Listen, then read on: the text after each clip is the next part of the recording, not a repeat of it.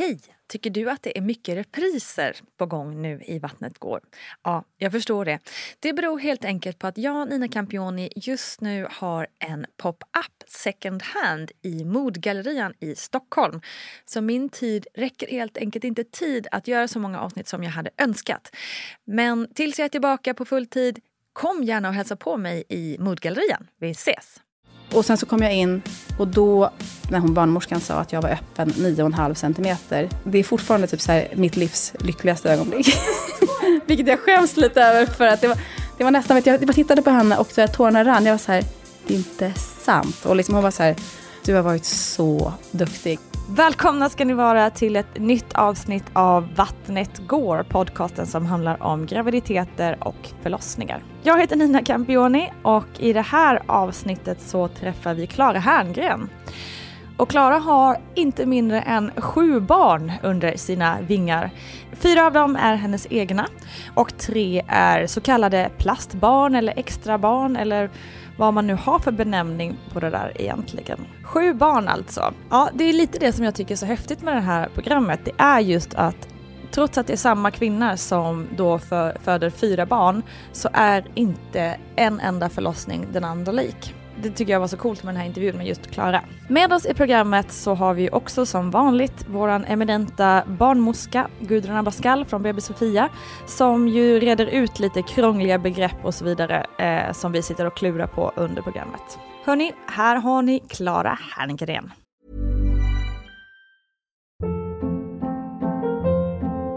Hold up. What was that? Boring. No flavor. That was as bad as those leftovers you ate all week. Kiki Palmer here, and it's time to say hello to something fresh and guilt-free. Hello Fresh. Jazz up dinner with pecan-crusted chicken or garlic butter shrimp scampi. Now that's music to my mouth. Hello Fresh. Let's get this dinner party started. Discover all the delicious possibilities at hellofresh.com.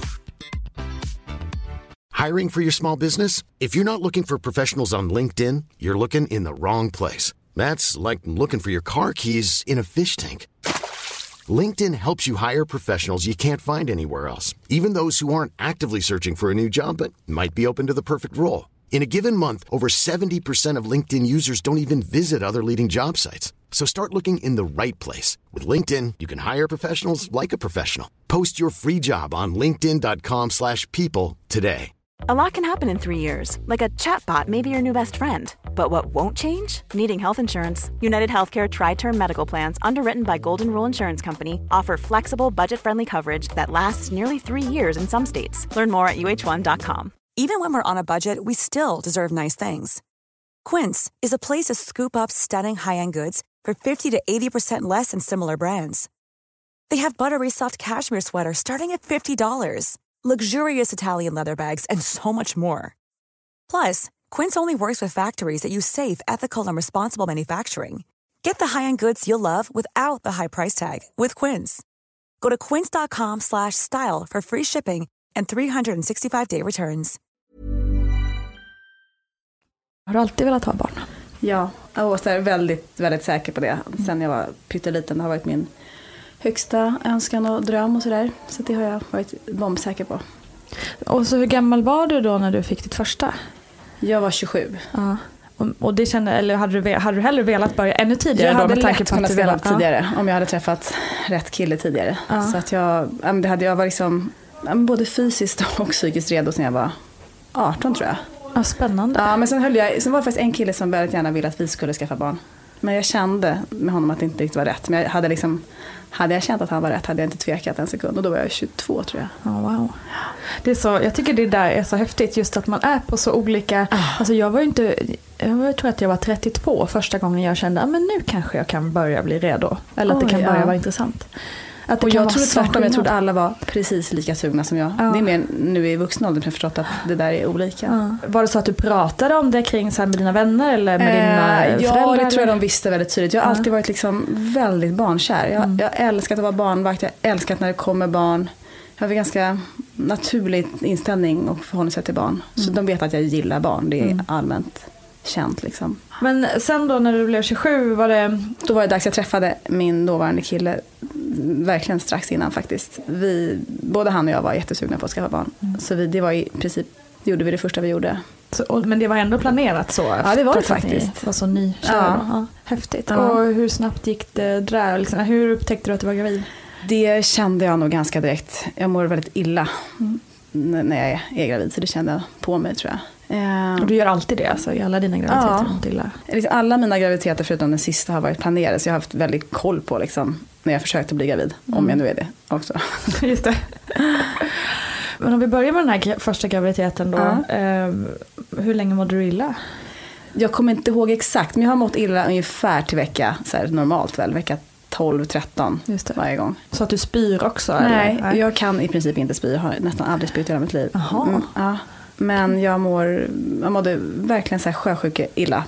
En ny och rätt obehaglig känsla. Mm. Fanns det någonting som hjälpte? Liksom? Nej, ja, äta. Ja, okej. Ja. Och vad som helst? Ja, eller? egentligen vad som helst. Men stoppa något i munnen. Liksom. Mm. Jag har ju haft tur och inte mått illa nu när jag var gravid. Men det är där jag tänker, sitt, måste man liksom sitta då och bara moffa i sig saker Nej, hela men jag tiden? såg eller hur gör till liksom att äta var tredje timme någonting. Och sen ha lite liksom, någonting annat att stoppa in. Nötter eller vad som helst däremellan. Men hur var den graviditeten sen i övrigt då?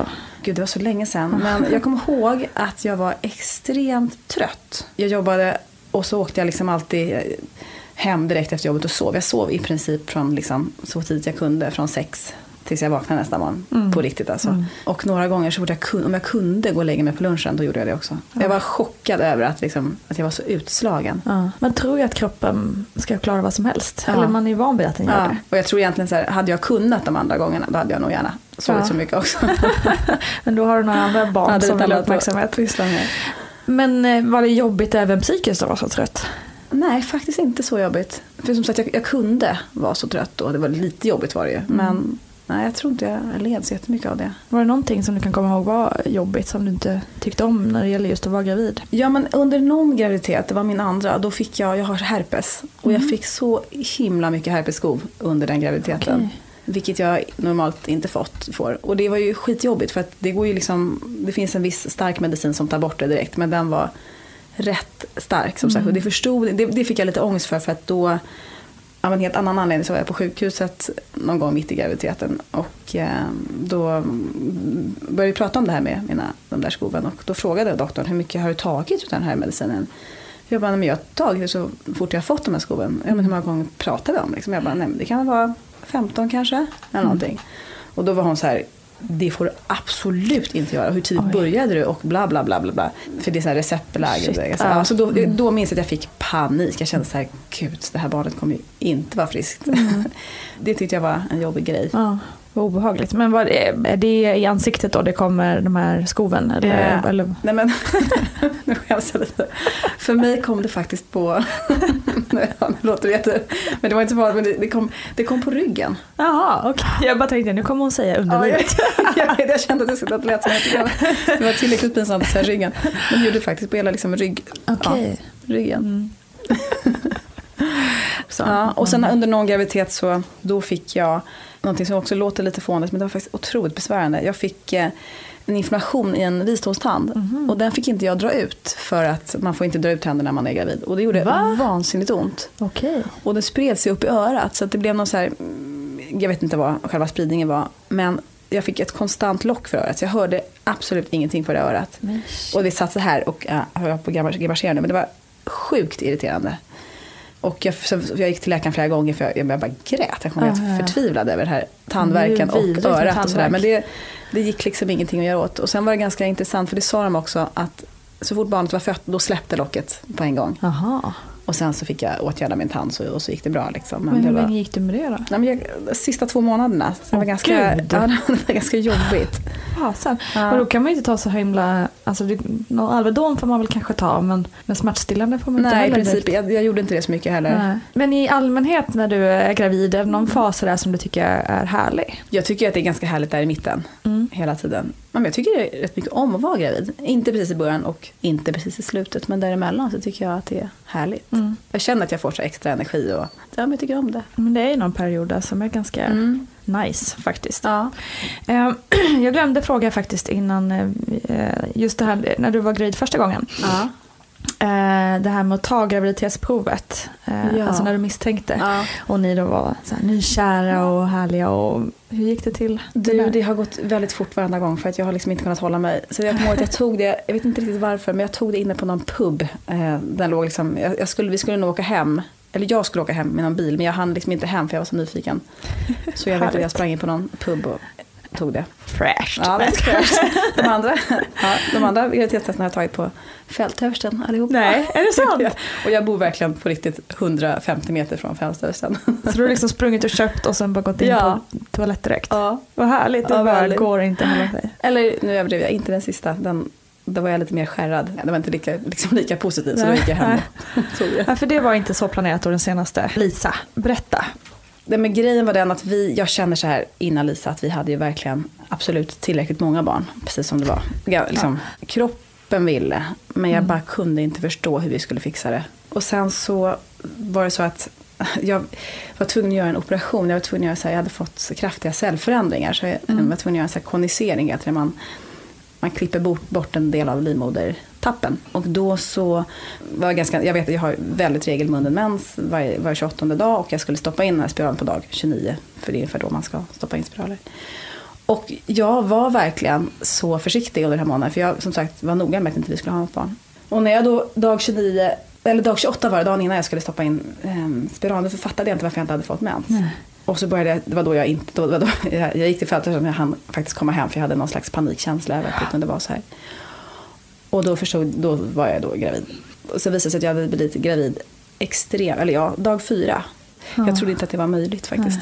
Och det konstiga var att då, då var det så här, då, både jag faktiskt och även Felix var så här, vi är helt säkra på att vi gör inte en abort. Jag, jag, jag gör inte Nej. det. Liksom. Och jag fick också en väldigt så här, tydlig känsla av att det var meningen på något sätt. Det låter ju den kom tillbaka så. och lite så här. Att jag, men då var det bara så här, nej men jag, då gör jag det här. Ja. Nu gör jag det här. Liksom. Det var inte, jag ska inte säga att det var under jag hade ju mina tvivel hela tiden också. Det var ju samma känsla, hur fan ska det gå liksom. Mm.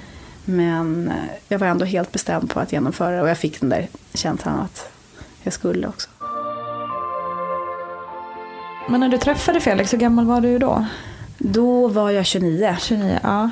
och då Och- hade jag ett barn och han hade tre barn. Mm. Mitt första barn och hans tredje barn är liksom lika stora. Och då var de två och knappt två. Mm. Och så hade han två tjejer som var sju och tolv. Men hur var det då? Var det, var det ändå självklart att ni ville ha fler barn ihop och så? Eller hur, hur, Eh, hur pratade ni kring nog. det? det var, både jag och Felix är liksom, tror jag, av naturen extremt barnkära.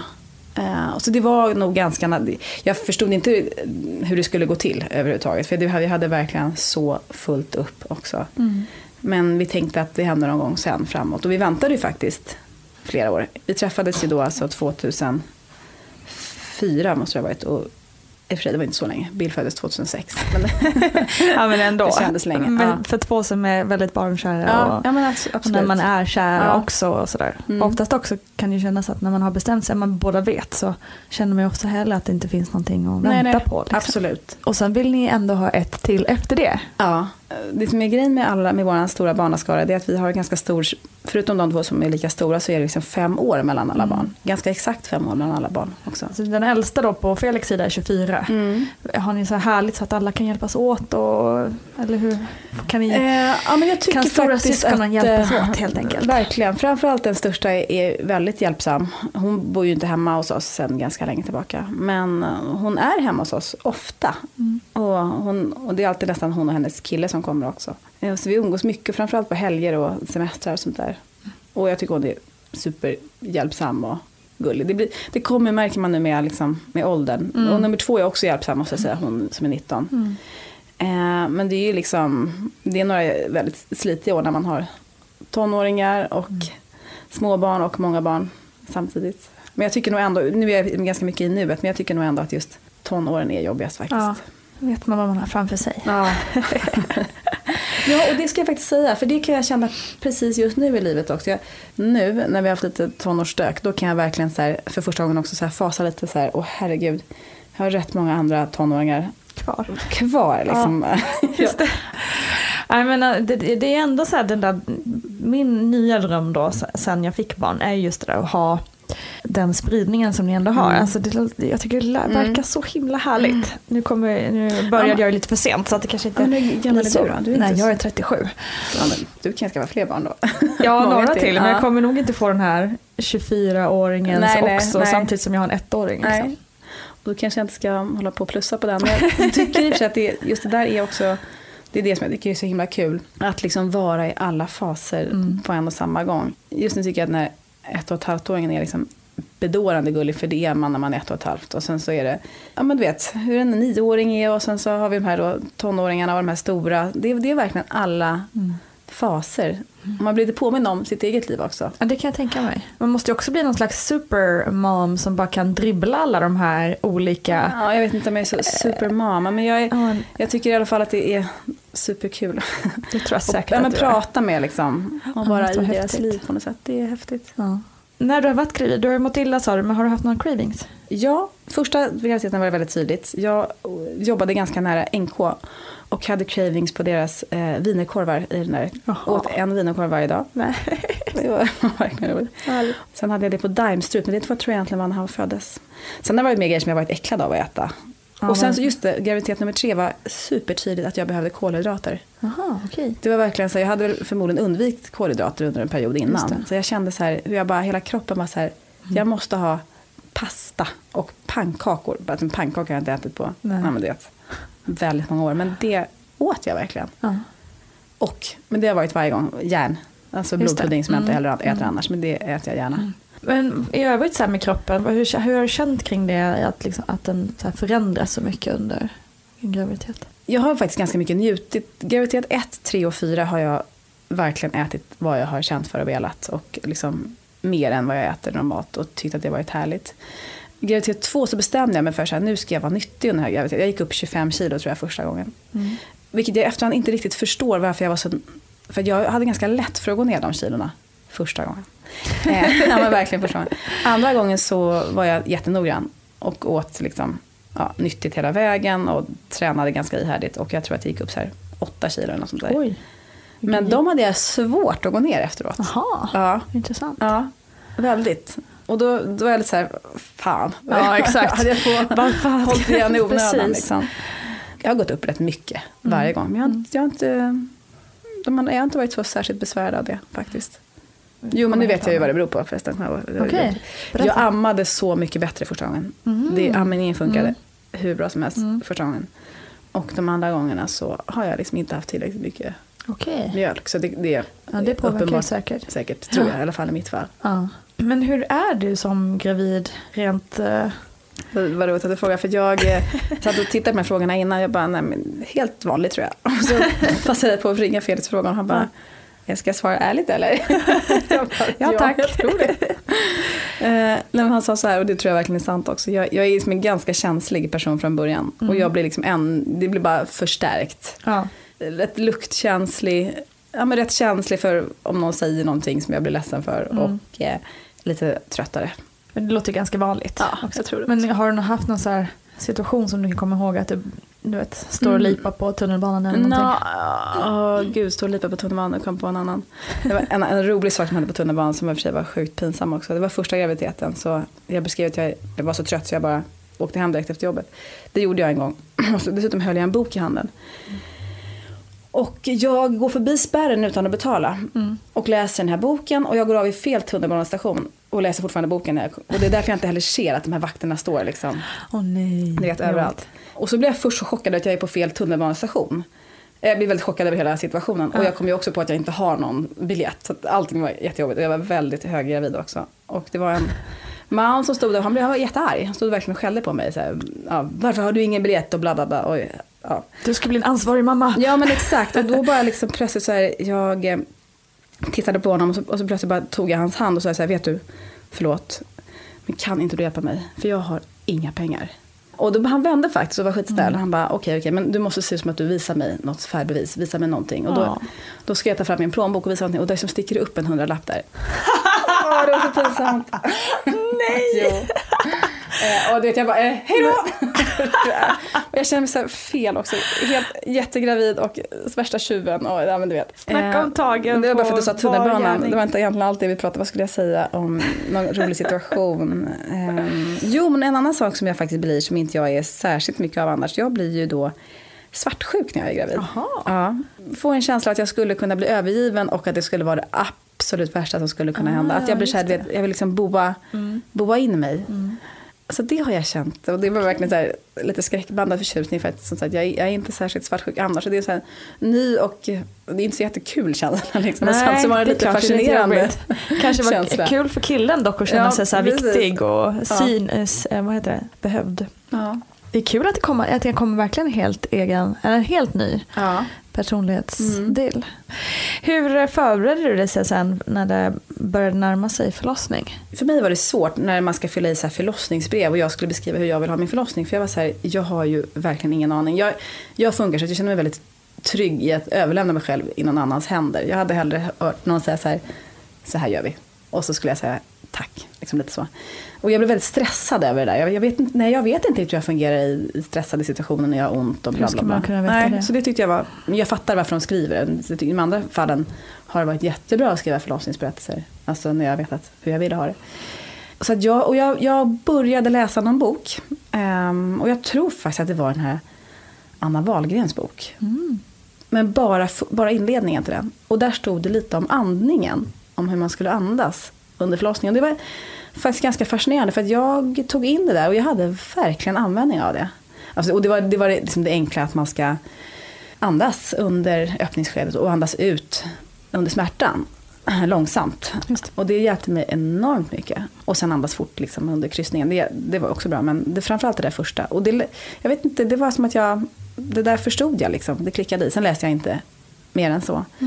Så jag vet inte om jag egentligen förberedde mig på något annat sätt. Jag var ganska öppen inför att så här, ja, det här kan ju gå hur som helst och det kommer förmodligen göra sjukt ont. Jag är beredd att ta smärtlindring, den som finns. Och, ja, lite Var du rädd? Ja, jag var ganska rädd. Jag, jag eh, trodde då, eh, kanske fortfarande, att jag var ganska smärtkänslig. Det är jag väl ibland också. Alltså man, är, man är olika i olika situationer.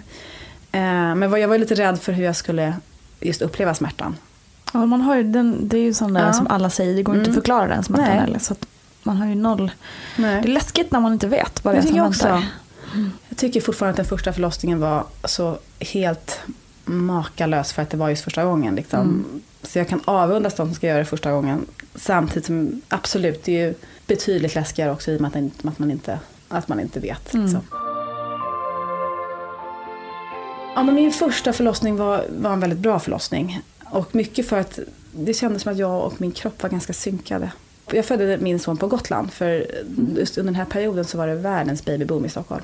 Och de Jaha. uppmanade alla som har, hade naturlig anknytning till något annat ställe att åka dit. Och Okej. min dåvarande kille kom från Gotland. Och det är så komiskt för det går tre killar i min sons klass som är födda samma datum och ingen är född i Stockholm och alla är från Stockholm. Vi bara drog liksom. Det så komiskt ändå. Men det som var skönt var att jag var ju väldigt utvilad. Liksom. Jag hann Mm. ju gå där. Han föddes den 22 maj och jag tror vi var där typ tre veckor innan. Ja, okej. Eh, Så det var jag ju liksom väldigt Skönt. eh, utvilad och Ja. beredd och sådär. Ja. Men sen kom, jag hade rätt mycket förverkar.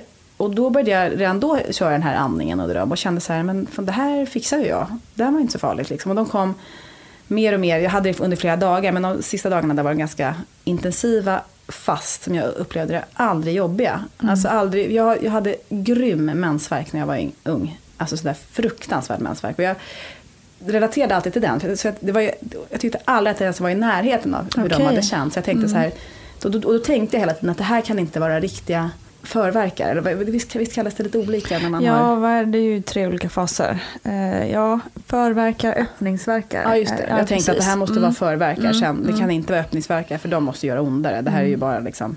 Och så sista dygnet där så gick jag mer och mer också in i min kropp på ett ganska häftigt sätt. Det var de där, jag hade de där verkarna. Men jag, det var också som att någonstans förstod jag att kroppen talade till mig och jag talade tillbaka. Och att jag blev mer och mer inne i mig själv. Fast jag var så här, som, som att jag var liksom i någon slags rytm. Mm. Eh, Och att jag kände så här, jag var väldigt så fascinerad själv över rytmen och jag märkte att jag gick mer och mer inåt. Liksom. Eh, och sen var det egentligen ett tecken som jag borde ha fattat. Att det var för vi skulle äta middag. Och då bara, jag så här, liksom, kunde nästan inte ens säga nej. Jag bara motade bort maten. Mm.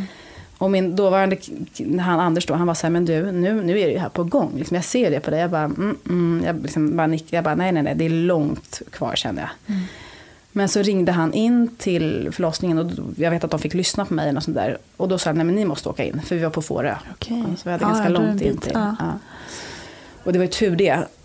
Vi fick beställa, nej jag tror att den, jag kommer inte ihåg, men man fick beställa någon färja som slutade gå på kvällen. Vi åkte någon färja i alla fall. Eh, Jag fick vänta lite på den. Och då kände jag, då kände jag kraftigt i bilen att säga, men okej, nej, det här är riktiga verkar.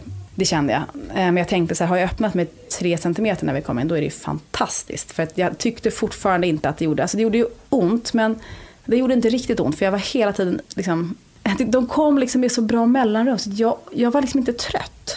Så att, och sen så kom jag in och då, när hon barnmorskan sa att jag var öppen 9,5 centimeter. Wow! Det är fortfarande typ så här, mitt livs lyckligaste ögonblick. det förstår jag. Vilket jag skäms lite över. För att det, var, det var nästan, vet jag, jag bara tittade på henne och så här, tårarna rann. Jag var så här, det är inte sant. Och liksom hon var så här, du har varit så duktig. Ja, du vet. Och det är jag, jag, helt tårarna bara rann. Jag var, det var också, jag var så här, det här är inte klokt. Jag är typ snart färdig med det här. Och det har inte ens varit farligt. Liksom. Och då, då var jag så här inne, jag bara, men då måste du ha, jag måste ha lite mer avslappnande. Kan jag få såna här eh, nålar? Ja, just det. Eller hon, jag vet inte om hon föreslog det. Eh, och jag tyckte att, att de eh, funkade bra. Liksom. Ja, men det gick ju väldigt bra. Och även kryssningen gick, den tyckte jag i och för sig var lite brutalare där. Liksom. Men, eh, men samt, samtidigt där så, det var också hela tiden hur kroppen och jag liksom, jag lät ganska rejält, det har jag inte gjort någon annan gång. Men jag gjorde det då för att jag behövde på något sätt.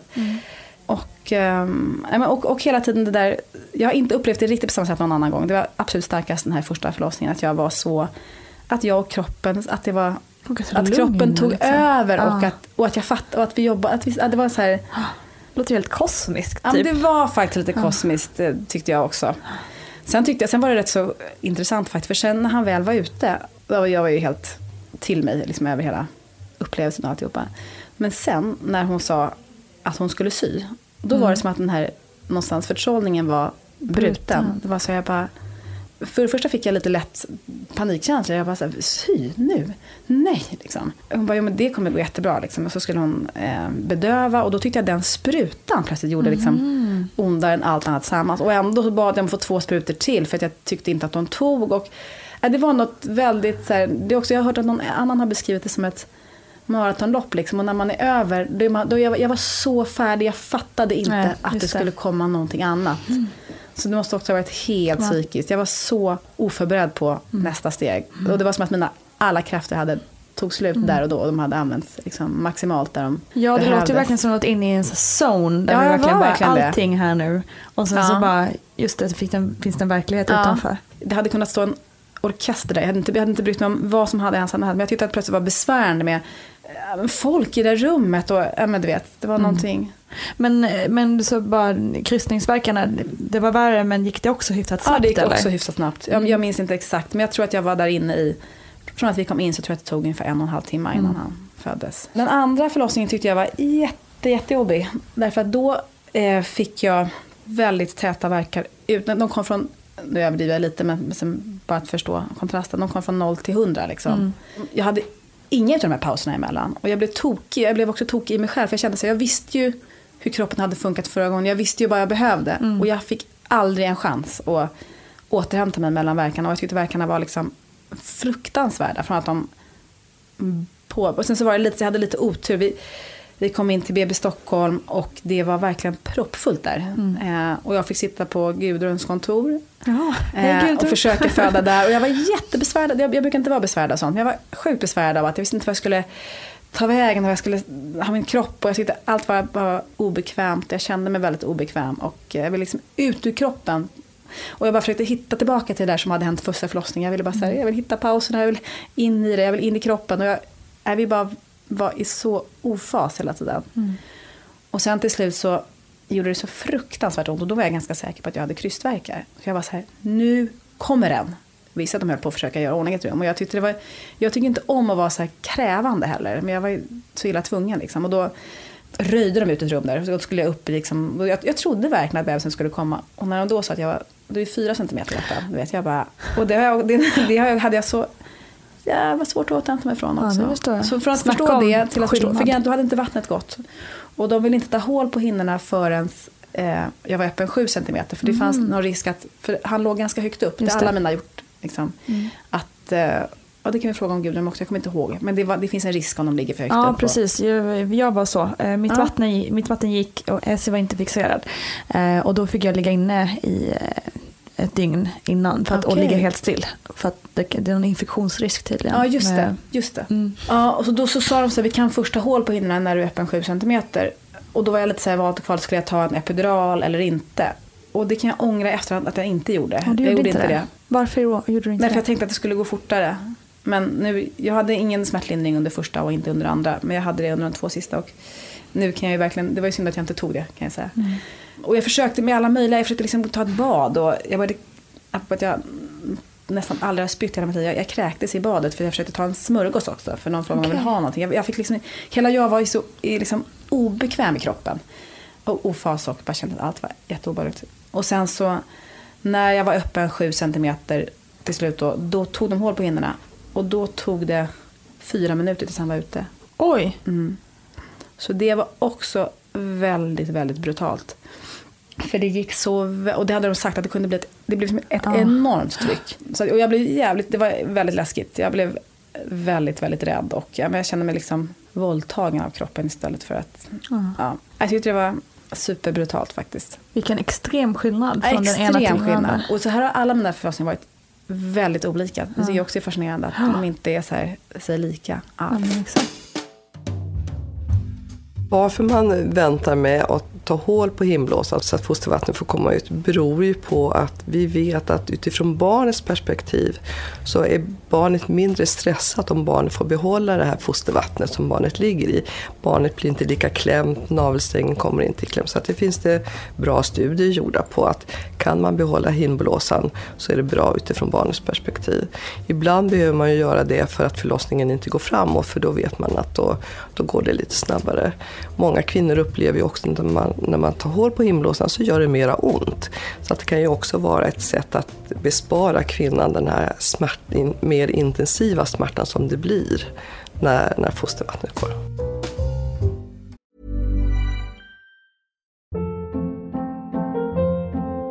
Hold up. What was that? Boring. No flavor. That was as bad as those leftovers you ate all week. Kiki Palmer here, and it's time to say hello to something fresh and guilt-free. Hello Fresh. Jazz up dinner with pecan-crusted chicken or garlic butter shrimp scampi. Now that's music to my mouth. Hello Fresh. Let's get this dinner party started. Discover all the delicious possibilities at hellofresh.com. I'm Sandra, and I'm just the professional your small business was looking for. But you didn't hire me because you didn't use LinkedIn jobs. LinkedIn has professionals you can't find anywhere else, including those who aren't actively looking for a new job but might be open to the perfect role, like me. In a given month, over 70% of LinkedIn users don't visit other leading job sites. So if you're not looking on LinkedIn, you'll miss out on great candidates like Sandra. Start hiring professionals like a professional. Post your free job on linkedin.com/people today. A lot can happen in three years, like a chatbot may be your new best friend. But what won't change? Needing health insurance. United Healthcare Tri Term Medical Plans, underwritten by Golden Rule Insurance Company, offer flexible, budget friendly coverage that lasts nearly three years in some states. Learn more at uh1.com. Quality sleep is essential. That's why the Sleep Number Smart Bed is designed for your ever evolving sleep needs. Need a bed that's firmer or softer on either side? Helps you sleep at a comfortable temperature? Sleep Number Smart Beds let you individualize your comfort so you sleep better together. JD Power ranks Sleep Number number 1 in customer satisfaction with mattresses purchased in-store. And now, save 50% on the Sleep Number limited edition Smart Bed for a limited time. For JD Power 2023 award information, visit jdpower.com/awards. Only at a Sleep Number store or sleepnumber.com. Nice. Yeah. What you're hearing are the sounds of people everywhere putting on Bombas socks, underwear, and t-shirts made from absurdly soft materials that feel like plush clouds. Yeah, that plush. And the best part? For every item you purchase, Bombas donates another to someone facing homelessness. Bombas. Big comfort for everyone. Go to bombas.com slash ACAST and use code ACAST for 20% off your first purchase. That's bombas.com slash ACAST. Code ACAST. Men det här att det gick så snabbt, gjorde det att du sprack mycket också då? Nej. Nej okej. Jag sprack lite men inte alls lika mycket som första gången. Vilket jag också, det var det enda jag hade med mig från första förlossningen. Jag skulle vilja inte spricka. Du vet, så här. Och jag pratade faktiskt lite med en barnmorska om det här i helgen som jag känner att hon, hon sa det är klart att de gör allt de kan för att man inte ska spricka. Det, är ju liksom, Såklart. det gör de ju alltid. Men det var ungefär det enda jag hade med mig i min förlossningsberättelse. Men jag, jag, jag tror knappt jag sprack alls faktiskt.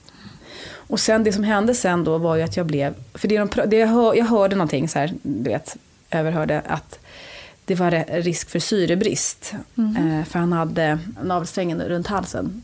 Så jag, jag hörde också att vi måste få ut den fort liksom. Och det, men det gick ju sjukt fort.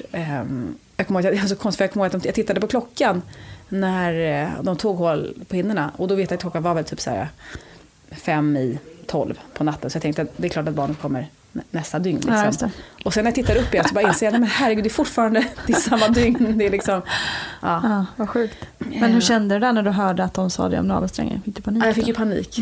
Och, men det roliga var att jag fick framförallt panik inför min... Jag hade glömt bort det lite grann. Och sen inför tredje förlossningen så, så kom jag på det. Jag, fick något, jag skulle sitta och prata med min barnmorska ganska tidigt i graviditeten och jag började verkligen stört gråta. Och jag fick panik över att, nej men gud. Så jag var ganska förlossningsrädd inför tredje förlossningen. tredje, ja. Mm. Och det var då jag hade turen att få Gudrun som min barnmorska. Så det var ju väldigt bra. Alltså när i graviditeten kom du på det här med att du Ja, men det, var, var ganska rädd? liksom, det var det som också var lite lustigt. För det var på no, alltså, jag tror det var ganska mitt i graviditeten. Mm. Hos barnmorskan. Alltså på någon sån här kontroll. Jag blev så chockad för att jag satt där och liksom var som jag tyckte jag vet. Nej men det, jag mår jättebra. Det, det kommer, vet, så här, jag vet inte vad jag skulle fråga om. Jag tyckte de här mötena var lite här, ja. Och då sa hon ingenting annat. Så jag bara nej faktiskt inte. Och så bara, det bara jag bara stört gråta. Och det bara kom över mig. Jag bara, "Va- varför gråter jag? Hon, var- hon var jätteduktig, hon verkligen här, lyckades fånga in mig. Så, vad, vad är det som händer liksom, nu? Jag bara, och då kom de där orden till mig. Jag bara, syrebrist, gud, syrebrist, du vet. Och barnet kom, ja. Så det, jag var ju väldigt rädd för Gud. själva förlossningen. kan verkligen tänka mig hur de där grejerna bara Ja. plötsligt kommer. För att Ja. Man stoppar ju undan dem liksom. Och all, det gick ju bra. Men eh, Ja, kombinationen av att jag inte fick någon plats förra gången och att det, att det blev så brutalt. Att jag verkligen ville veta att jag kommer kunna komma in, jag kommer kunna ta epidural. Det kommer, kommer aldrig kunna vara så där brutalt mellan äh, verkarna som det är.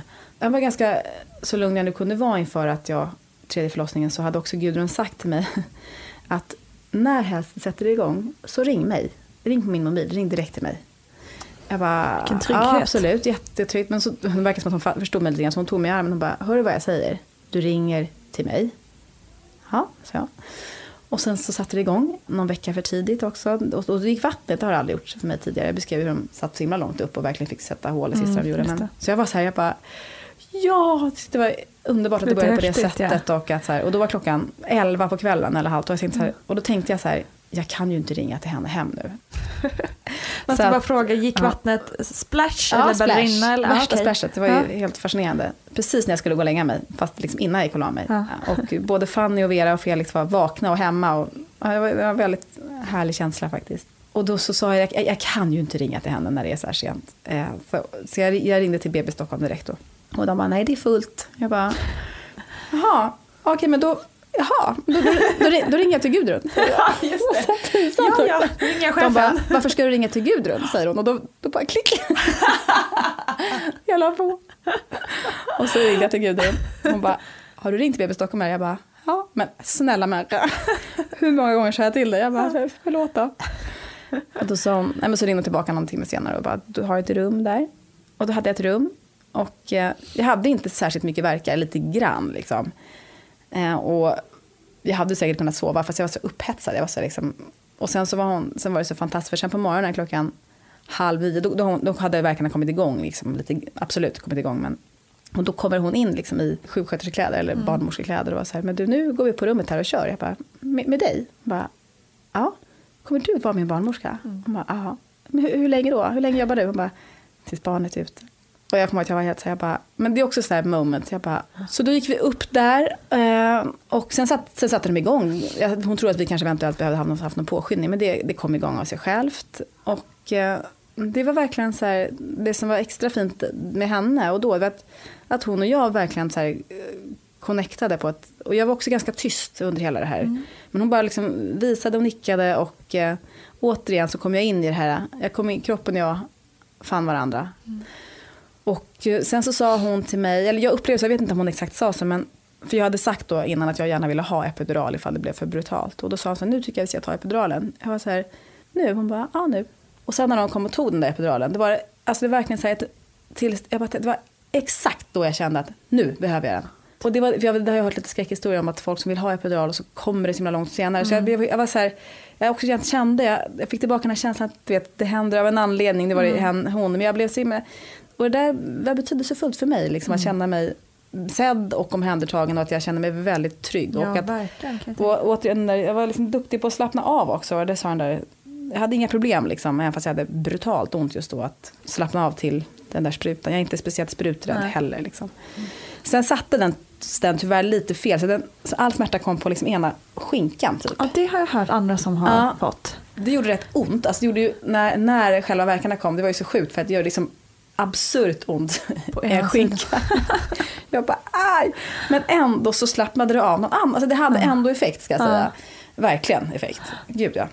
Jag kommer ihåg en annan sak som jag tyckte var helt så här otrolig. För att vid ett tillfälle så sa jag till henne, jag, jag, jag pratade överhuvudtaget nästan ingenting, men jag, kom, jag nästan viskade till henne så här, nu klarar inte jag det här längre. Nu vill jag inte vara med. Liksom. Mm. Och då kom hon och tittade på mig och sa, det är nu, sa hon. Det är precis nu som det vänder. Och du behöver precis slå i den här botten för att det ska vända. Nu kommer den. Och det, det, var, verkligen, det var verkligen så. Jag tror att jag liksom öppnade mig precis 10 centimeter där och att det liksom... Det var också, jag bara... Vilken fingertoppskänsla. Ja, men så otrolig. Ah. Eh, och hon som verkligen sa det, det är så fint att du säger sådär, för det är precis...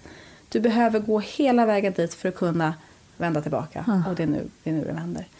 Så det kan också vara, och ett tag var faktiskt hon och jag också ensamma där inne för att Felix, lite roligt, Felix pappa jobbar som barnläkare på BB Stockholm. Jaha. Och han jobbade precis den dagen. Så han, han gick utanför och bankade lite av honom. Och mm. så, här, så då gick han och Felix och tog någon kaffe och lite sådär ibland. Och då, men det, det var väldigt, väldigt bra där med henne. Speciellt moment. Ja, faktiskt. Mm. Iris födde jag på ett lite lustigt sätt. Eller det är tydligen jag var väl rätt så bedövad. Eh, och det var verkligen Gudrun som styrde mig. Och det kändes ju lite märkligt när hon sa det, fast inte ett dugg märkligt när jag gjorde det. De andra barnen födde jag ståendes på huk. Mm. Men här låg jag liksom, jag låg på sidan i sängen på den vänster med liksom benet upp över henne. Mm -hmm. Förstår du? Ja. Eh, så hon, ditt ben på hennes ben axel? På hennes axel, precis. Okay. Och så föddes mitt sista barn också. Aha. Och då hade jag också epidural. Intressant ställning. Ja, intressant. Men först och du lyckas ändå få kraft där på Ja, verkligen. Sätt. Alltså verkligen. Ja, Klara födde ju liggande på sidan med benet faktiskt över ditt, din axel, Gudrun. är den ställningen vanlig eller varför är den bra? Alltså det här med att, vilken ställning man föder i, alltså det är ju väldigt, väldigt olika. Och jag kan inte som barnmorska sitta och säga att den är bättre än någon annan. Utan ofta så jobbar man ju tillsammans med kvinnan och föräldrarna. Man provar olika förlossningsställningar och så får kvinnan avgöra vilken ställning känns det här mest bekvämt och vad känner mig framförallt mest trygg i. Det här med respekt och integritet och så vidare. Och samtidigt som man ju också som barnmorska så vill ju jag ha full koll på hur barnet föds fram och över mellangården och risken för bristningar och alltihopa så. Och nummer ett så är det för att barnet ska komma ut, om jag ska vara lite så här, så måste man sära på benen. Det otvivelaktigt ingenting annat handlar om.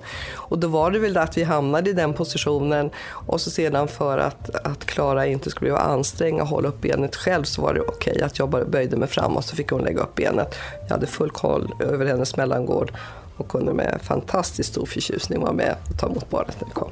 Man, eh, eller jag har i alla fall hört att epidural inte har någon verkan på de här krystverkarna direkt. Hur står det till egentligen? Ja, det, det, där kan vara väldigt individuellt men konkret så går vi nu ut och säger så här att en ryggbedövning ska man inte räkna med att man är bedövad under utdrivningsskedet, för vanligtvis så är det inte det. Sen är det hur, man, hur bedövningsmedlet och det här smärtstillande medlet sprider sig. Det kan sprida sig mer hos vissa kvinnor och då får man en starkare effekt på bäckenbotten. Men vanligtvis så får man inte det, utan behöver man en bra bedövning i slutet, då är det bäckenbottenbedövningen som man behöver komplettera med. Så. Och, och din fjärde förlossning, för du sa att alla var olika. Alla var olika. Den fjärde Ja. förlossningen den eh, drog ut så var långt på tiden. Mhm. Och jag, eller vi tror att det beror på att, alltså barnmorskan och jag tror det beror på att jag gjorde den här kondenseringen strax innan jag blev gravid. Och tydligen var det så här för att det blev som ett, eh, du vet man har skurit sig och får ett sår, ett ärr Ja. så blir det som förstenat. Ja, så, just så, så, fort någon kände upp mig, de bara oj vad hårt det är. Det, liksom, det var superhårt, det gick inte, så den vägrade liksom att släppa med sig. Ah. Och det var lite synd för jag har inte gått över tiden annars riktigt. Så jag och nu är jag väldigt ödmjuk för alla som går över tiden. Det var ju brutalt jobbigt tycker jag att gå över tiden. Hur mycket gick det över? 12 dagar. Mm. Och då blev jag ändå igångsatt. Men de sa att den här hade aldrig släppt. Alltså för, för, förr eller senare hade jag väl gjort det. Men det var som att den satt som en propp och stoppade upp alltihopa. Så att när de väl satte in den då gick det ju väldigt, väldigt fort. När den väl kom, och då var det också proffsigt för då, hade, då förstod jag redan innan att det kommer bli så här och snälla var lite beredda med epiduralen så fort den där sätter igång för jag vet att det här kommer gå fort liksom. Och det sa jag bara poff, så här liksom. Då hade jag bett om spinal. En sån där spinal, det var ju det är alltså samma sak som epidural fast den har omedelbar verkan. Eh, men den, den tog inte. Och det var ju lite jobbigt för då var jag liksom det så här också, jag bara skakade av liksom den här totala chocken över brutala smärtan. Jag var så här, men nu kommer det snart funka. Och så bara, den funkade inte. Så då fick de komma en gång till och sätta in en epidural. De satte den och sen handlade de några minuter innan hon kom ut. Så Okej. att jag, den hade ju bara liksom, den hade ju full effekt men Men en kort lite, stund. lite, lite sent egentligen. Men jag tyckte ändå att det var värt att ta den. Och det enda som var lite jobbigt efteråt det var att i och med att jag fått både den där spinalen och epiduralen så slog det liksom ut systemet lite. Så jag fick ju ha med mig så här, du vet, alltså kisspåse Ja, och det. sånt där. Mm. Det var ju lite jobbigt. Men jag glömde fråga dig inför, inför förlossning nummer fyra, i och med att du var, var rädd inför trean. Hjälpte den förlossningen till att, att minska rädslan Ja, det gjorde inför den. fyran? Eller hur? Det gjorde den, men jag var ändå lite rädd inför Ja. fyran också. Ja, men sådär mer att jag tänkte att, och det hade jag inte jag, har- det var konstigt. Det ligger lite i min natur men det var också konstigt. Jag tänkte, liksom, sådär som många vet att många andra tänker, tänk om det är något fel på barnet. Så tänkte Mm. jag inte. Men det tänkte jag lite inför fyran. Okej. Att herregud, nu har det varit så många som har funkat bra. Hur, liksom, Ja just det, min Ja. tur ute. Typ. min tur ute, Mm. lite så. Och lite förlossningsrädd. Men det var ändå, jag kände mig också liksom väl omhändertagen. Även där så fick jag någon slags garanterad plats på BB Stockholm. Och bara det var så här, ja men då så. Den där grejen förstår jag verkligen om folk känner. Man, man bara vet att man får en plats. Mm. Det är ju också så himla härligt tycker jag på något sätt och också upplyftande. För jag har också, har också varit ganska förlossningsrädd genom, genom åren även fast Ja. jag inte varit gravid. Liksom. Att man trots att man är rädd ändå skaffar fyra barn. Ja. Alltså jag tycker det är här, Ja. jävligt coolt. Och jag tycker så här, jag försöker verkligen uppmuntra folk och jag, jag tycker det på riktigt. Det är ju det absolut häftigaste jag har gjort. Det, det finns ju ingenting som mäter sig med att föda barn och den här euforiska känslan och den här känslan att man, nej men så här, att, att vi faktiskt är skapade för att göra det här. Mm. Och när det funkar så är det ju fantastiskt. Det finns ju ingenting som går upp mot det. Men då, dina fyra barn, har du, hur har du känt med anknytning eh, sådär i början? Har det varit att du känt en direkt anknytning eller har det gått långsamt på vissa eller lika med alla eller hur har det varit? Jag har nog känt en ganska direkt anknytning. Först, eller, jag tycker det är roligt just med direkt för att de alla gånger har också varit helt så här. Det tar ju verkligen man tror att man ska så här, få upp den på bröstet och bara direkt. Men jag har i alla fall haft fullt upp med att pusta ut. Ja. De första, jag vet inte, jag vet inte om det rör sig om 40 sekunder eller tre minuter, jag har ingen aning. Men ändå så här, att verkligen så här, innan jag ens kan närma mig barnet så har jag, har jag haft, ja, verkligen återigen varit helt inne i mig själv och bara puh, andas en stund. Och sen titta till eller få upp eller sådär. Jag tänkte på det där med anknytning och jag tror så här att eh, jag tror att det handlar ganska mycket om vilket barn man får, hur anknytningen är. Är det ett barn som är liksom som inte skriker och inte gråter och, och är ganska nöjt, då är det ganska lätt att knyta an. Mm. Men är det ett barn som är oroligt och skriker hela tiden, om, man själv känner sig väldigt otillräcklig, då är det ju svårare med anknytningen. Jag dessutom trasig rent fysiskt Ja också. men exakt. Mm. Så att det handlar ju, det där tycker jag är lite märkligt att man inte pratar om mer egentligen. Mm. Faktiskt. För att eh, Nu har inte mina barn varit så himla olika från varandra, men lite olika. Ja, men jag, det, den, den där känslan har varit svår när man känner att man är otillräcklig. Liksom. Att jag säger, vad är det du behöver som inte jag kan ge dig när du gråter? Mm. Men samtidigt har jag ändå haft en så här, väldigt tydlig liksom, instinkt att ta hand om och, och vara nära och sådär. Mm. Måste också fråga hur, eh, hur Felix eller Anders har varit eh, behjälpliga i förlossningsrummen. Har, har du något Eh. tips till männen där ute som kanske också lyssnar? Ja, men det har varit lite, lite olika. Det har varit skönt att de har varit där. Så att liksom, men egentligen inte behövt dem särskilt mycket.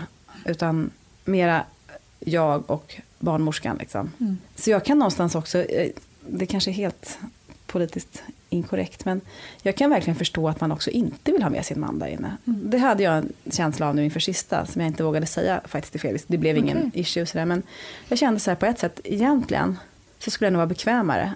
Jag vet, jag vet att jag absolut inte bryr mig om det när vi är i rummet. Mm. Men tanken på att föda barn, så skulle jag på ett sätt tycka att det var skönare om det bara var jag och barnmorskan. Så behöver jag inte ta ansvar på att jag är, hur jag är eller någonting. Mot någon annan. Mot liksom. någon annan. Och som sagt, det, det, jag talar också direkt emot mig själv i och med att jag vet att jag inte har brytt mig i, i, i stunden. Liksom.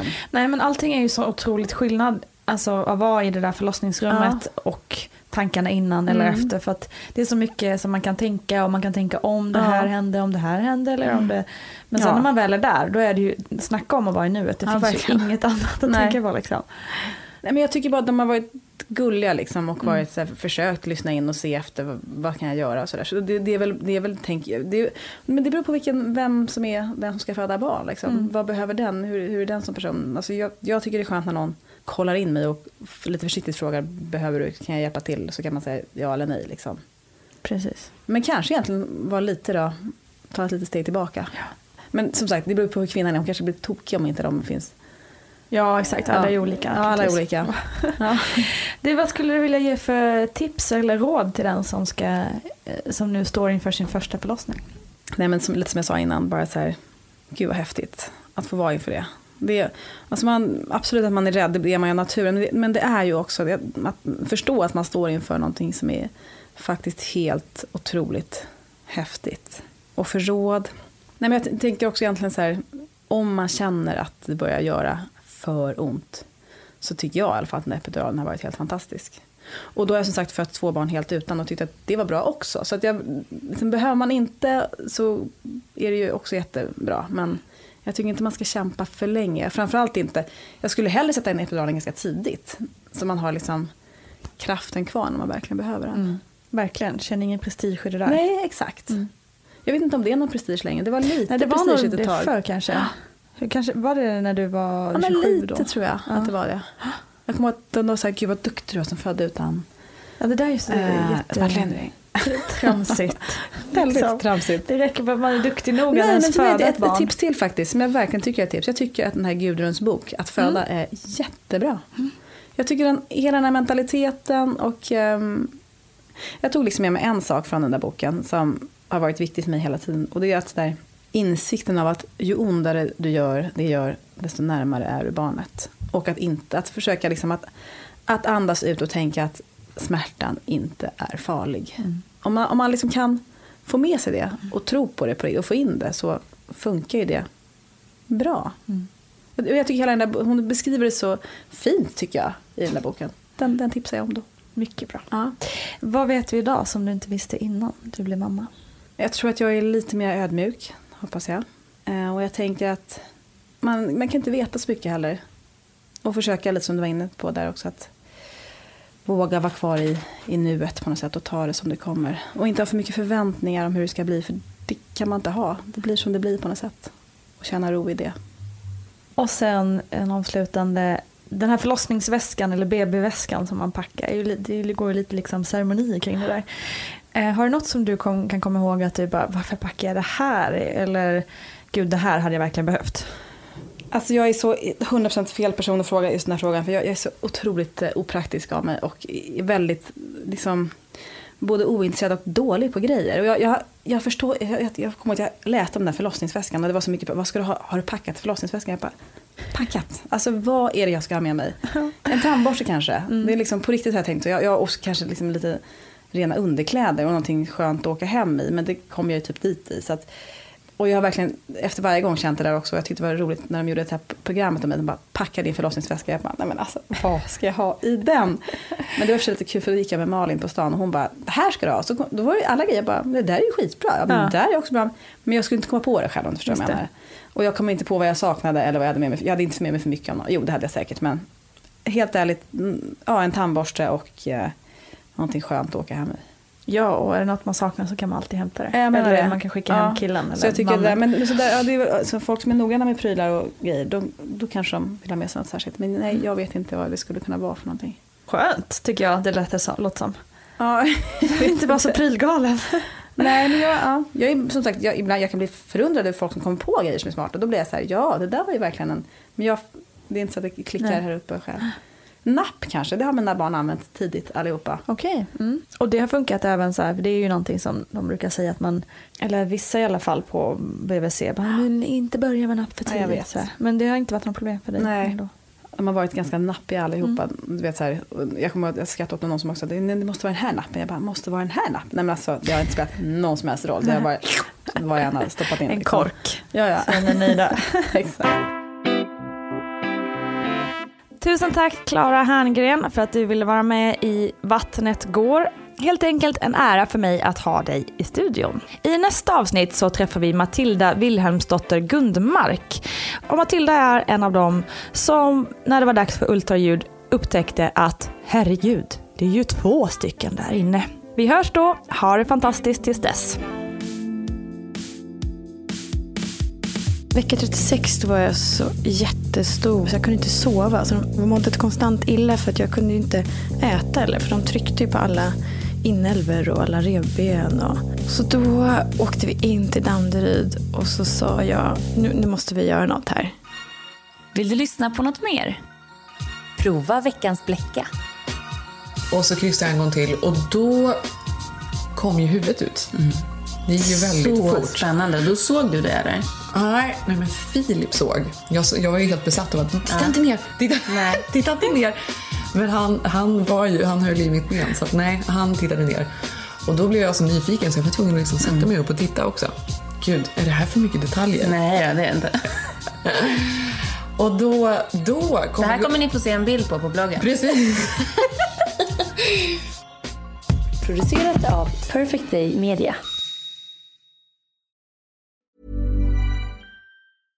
Ever catch yourself eating the same flavorless dinner three days in a row? Dreaming of something better? Well, HelloFresh is your guilt-free dream come true, baby. It's me, Kiki Palmer. Let's wake up those taste buds with hot, juicy pecan-crusted chicken or garlic butter shrimp scampi. Mm. Hello Fresh. Stop dreaming of all the delicious possibilities and dig in at HelloFresh.com. Let's get this dinner party started. Even when we're on a budget, we still deserve nice things. Quince is a place to scoop up stunning high-end goods for 50 to 80% less than similar brands. They have buttery soft cashmere sweaters starting at $50, luxurious Italian leather bags, and so much more. Plus, Quince only works with factories that use safe, ethical, and responsible manufacturing. Get the high-end goods you'll love without the high price tag with Quince. Go to quince.com slash style for free shipping and 365-day returns. Imagine the softest sheets you've ever felt. Now imagine them getting even softer over time. That's what you'll feel with Bowl and Branch's organic cotton sheets. In a recent customer survey, 96% replied that Bowl and Branch sheets get softer with every wash. Start getting your best night's sleep in these sheets that get softer and softer for years to come. Try their sheets with a 30-night guarantee. Plus, get 15% off your first order at bowlandbranch.com. Code BUTTERY. Exclusions apply. See site for details.